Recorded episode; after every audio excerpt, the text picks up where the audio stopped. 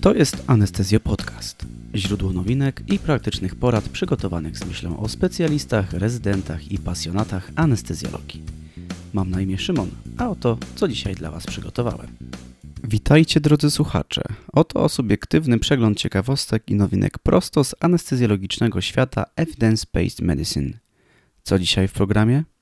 Między innymi o zawodności urządzeń do oceny głębokości znieczulenia oraz o tym, jak bardzo zdrowie psychiczne zależy od wybranej specjalizacji. Z dumą informujemy, że Anestezjo Podcast został oficjalnym partnerem medialnym 20. Międzynarodowego Zjazdu Polskiego Towarzystwa Anestezjologii i Intensywnej Terapii, który odbędzie się w Krakowie w dniach 2 do 5 września 2020 roku. Do 31 marca możecie przesyłać abstrakty swoich prac, które będą mogły zostać wygłoszone na zjeździe. Po szczegóły zapraszamy na stronę konferencji anest.eu. Zaczniemy od USG. Ultrasonografia z roku na rok zyskuje coraz większe zainteresowanie anestezjologów czy też lekarzy medycyny ratunkowej. W warunkach intensywnej terapii możemy na przykład monitorować stan dzięki wykorzystaniu protokołu BLUE czy dzięki echo przełóżkowym oceniać parametry hemodynamiczne. Przypadku ciśnienia śródczaszkowego trudno o nieinwazyjną metodę pozwalającą na dokładną ocenę wartości ICP. Wzrost ciśnienia wewnątrzczaszkowego prowadzi do obrzęku struktur mózgowia, w tym nerwu wzrokowego. Czy cewnik do inwazyjnego pomiaru ICP można zamienić na głowicę USG? Ultrasonograficzna ocena osłonki nerwu wzrokowego jest przedmiotem wielu nowych opracowań. Jak zatem wygląda czułość i swoistość tej metody? W Annals of Internal Medicine pojawiła się analiza 71 artykułów, na podstawie której ustalono czułość tego badania na poziomie 97% oraz swoistość 86% w przypadku urazu czaszkowo-mózgowego i odpowiednio 92 do 86% w przyczynie nieurazowej, co pozwala wysunąć wniosek, że jest to badanie o wysokiej skuteczności. Podczas USG gałki ocznej o wzroście ciśnienia świadczyć będzie szerokość osłonki nerwu wzrokowego, począwszy od 5 mm. Badanie pozwala także na ocenę takich patologii jak krwotok, obecność ciał obcych, przemieszczenie soczewki czy odklejenie siatkówki. W opisie podcastu na stronie anestezjopodcast.pl zamieszczam linki do fanpage'a USG w ZRM, w którym autorzy przedstawiają w praktyce jak przeprowadzić takie badanie. Zabiegi kardiochirurgiczne w znieczuleniu ogólnym obarczone są większym ryzykiem świadomości okooperacyjnej, nawet dziesięciokrotnym. Zabiegi te bardzo często wykonywane są w krążeniu pozaustrojowym, które zaburza farmakokinetykę leków, m.in. poprzez stosowanie hemodylucji czy osadzanie się cząsteczek leków na przewodach urządzenia. Zaburzony przepływ przez płuca oraz hipotermia utrudniają oszacowanie zapotrzebowania na anestetyki wziewne. Badacze zaobserwowali zapisie EEG regularne występowanie spadku mocy fal delta i zwiększanie częstotliwości fal alfa, które w podobnej postaci występuje podczas wybudzania. Co ciekawe, poziom sedacji jest monitorowany za pomocą urządzeń, które analizują zapis EEG, np. BIS, czyli Bispectral Index czy Narcotrend. I właśnie to ostatnie urządzenie autorzy wykorzystali w swojej analizie, zapisując EEG płatu czołowego w trakcie znieczulenia do zabiegu kardiochirurgicznego. Krytycznym momentem zabiegu jest przejście z krążenia pozaustrojowego na wentylację mechaniczną i to właśnie wtedy zaobserwowano wspomniane wcześniej zjawiska charakterystyczne dla wybudzania, czyli spadek mocy fal delta i większą częstotliwość fal alfa, podczas gdy wartość narkotrendu paradoksalnie malała. Pytanie brzmi dlaczego? Otóż urządzenia te skupiają się na wysokich i niskich częstotliwościach, gdzie za stan przytomności uznają aktywność o wysokiej częstotliwości i niskiej amplitudzie, a za stan znieczulenia aktywność o niskiej częstotliwości i wysokiej amplitudzie. Odpowiednie wykresy i oczywiście link do artykułu tradycyjnie zamieszczamy w opisie podcastu. Autorzy artykułu formułują wniosek, że dzięki prawidłowej analizie tablicy spektralnej EEG jesteśmy w stanie w znacznie wiarygodniejszy sposób ocenić poziom znieczulenia u pacjenta. Natomiast wniosek od nas jest taki, że nie możemy bezkrytycznie polegać na wartościach liczbowych, które przedstawiają nam monitory. Przełom tarczycowy. Gwałtowne uwolnienie dużych ilości teroksyny i triodotyroniny to rzadka, aczkolwiek niebezpieczna dla życia jednostka chorobowa, w której przebiegu dochodzi do znacznego pobudzenia metabolizmu.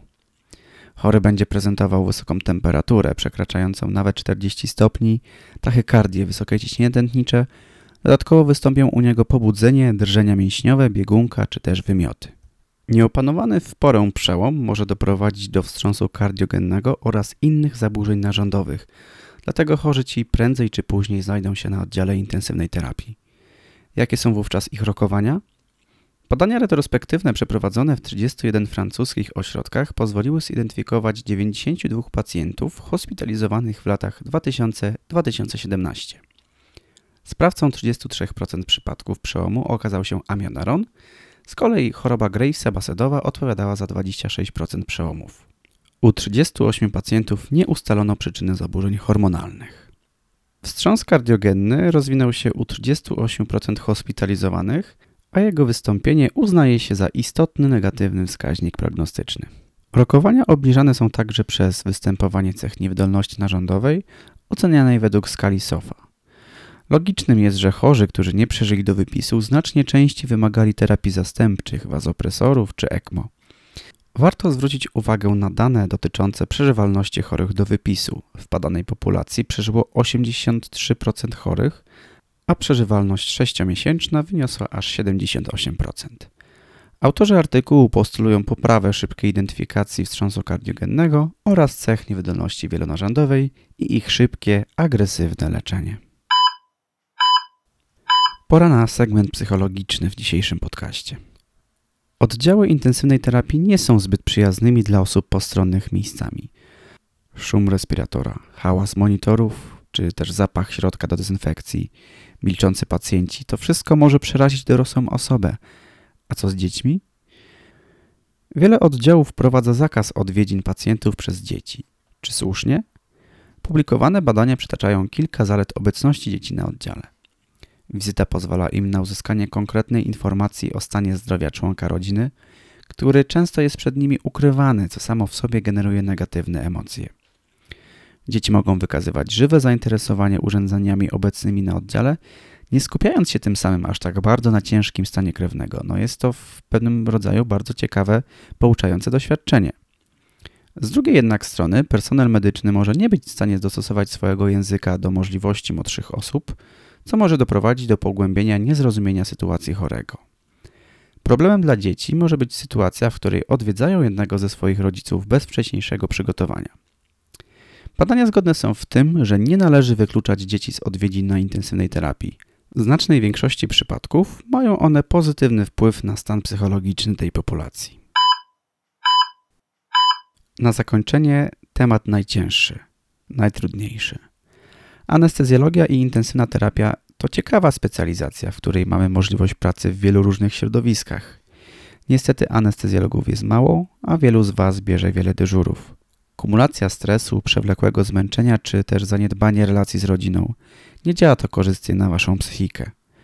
Według danych dr Pameli Wibble anestezjologia wiedzie prym w statystykach samobójstw wśród lekarzy, wyprzedzając dwukrotnie chirurgię i czterokrotnie internę – Dane te są przeliczone względem ilości praktykujących specjalistów. W tym roku American Society of Anesthesiologists opublikowało raport przygotowany na podstawie ankiety, w której aż 1 trzecia respondentów była w stanie wskazać więcej niż jeden przypadek samobójstwa wśród znajomych anestezjologów. Przypadki te w 77% dotyczyły mężczyzn, mniej więcej po połowie specjalistów i rezydentów. Najczęstszym wskazywanym sposobem na odebranie sobie życia było samobójstwo z wykorzystaniem propofolu bądź leków zwierczających. Do tematu propofolu należy jednak podejść ostrożnie, ponieważ pojawiają się doniesienia o jego przypadkowym przedawkowaniu przez lekarzy leczących się w ten sposób na bezsenność. Jakie były przyczyny samobójstw? Były to najczęściej problemy rodzinne, dalej stres, błąd medyczny, czy też działanie niepożądane, które doprowadziły do zgonu pacjenta. Przejdźmy zatem do clou tematu.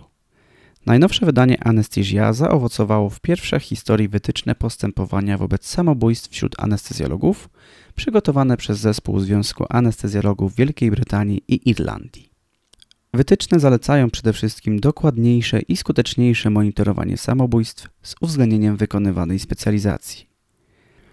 Wsparcie psychiczne powinno być obowiązkiem każdego współpracownika oraz kierownictwa oddziału, zaczynając od kreowania przyjaznego środowiska pracy, kończąc na wskazaniu osoby, która będzie źródłem informacji, osobą, do której każdy z pracowników będzie mógł się zwrócić w przypadku problemu.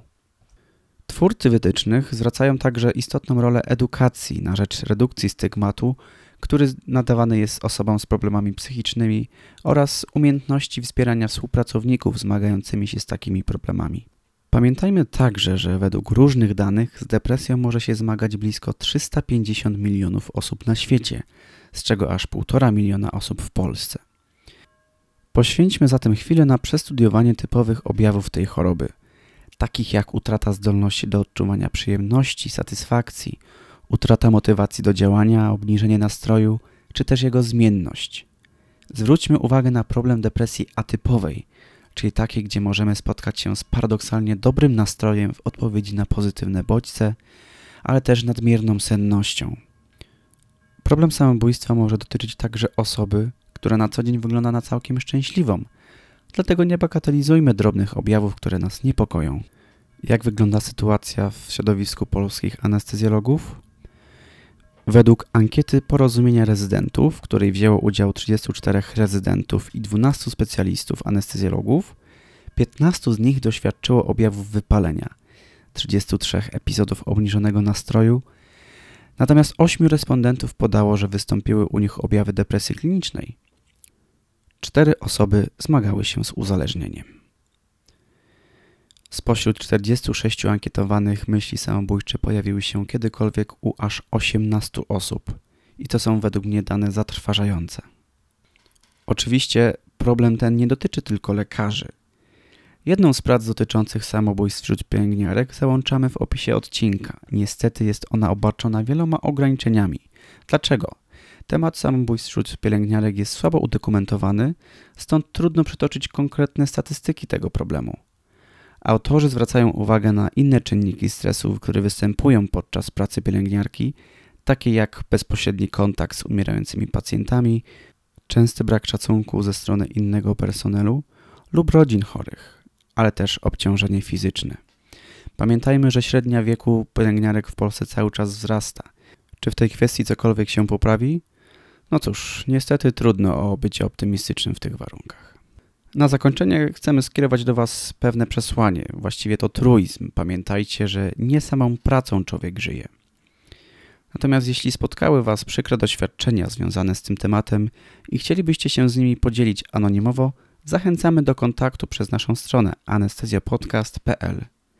Jest to temat trudny, który warto poruszać, dlatego być może w przyszłości przygotujemy dla Was specjalny odcinek poświęcony zdrowiu psychicznemu w pracy anestezjologa. Gorąco zachęcamy Was do wypełnienia ankiety, która powstaje w ramach pracy doktorskiej polskiej lekarki psychiatry. Ankieta dostępna jest na stronie zadużopracuję.pl.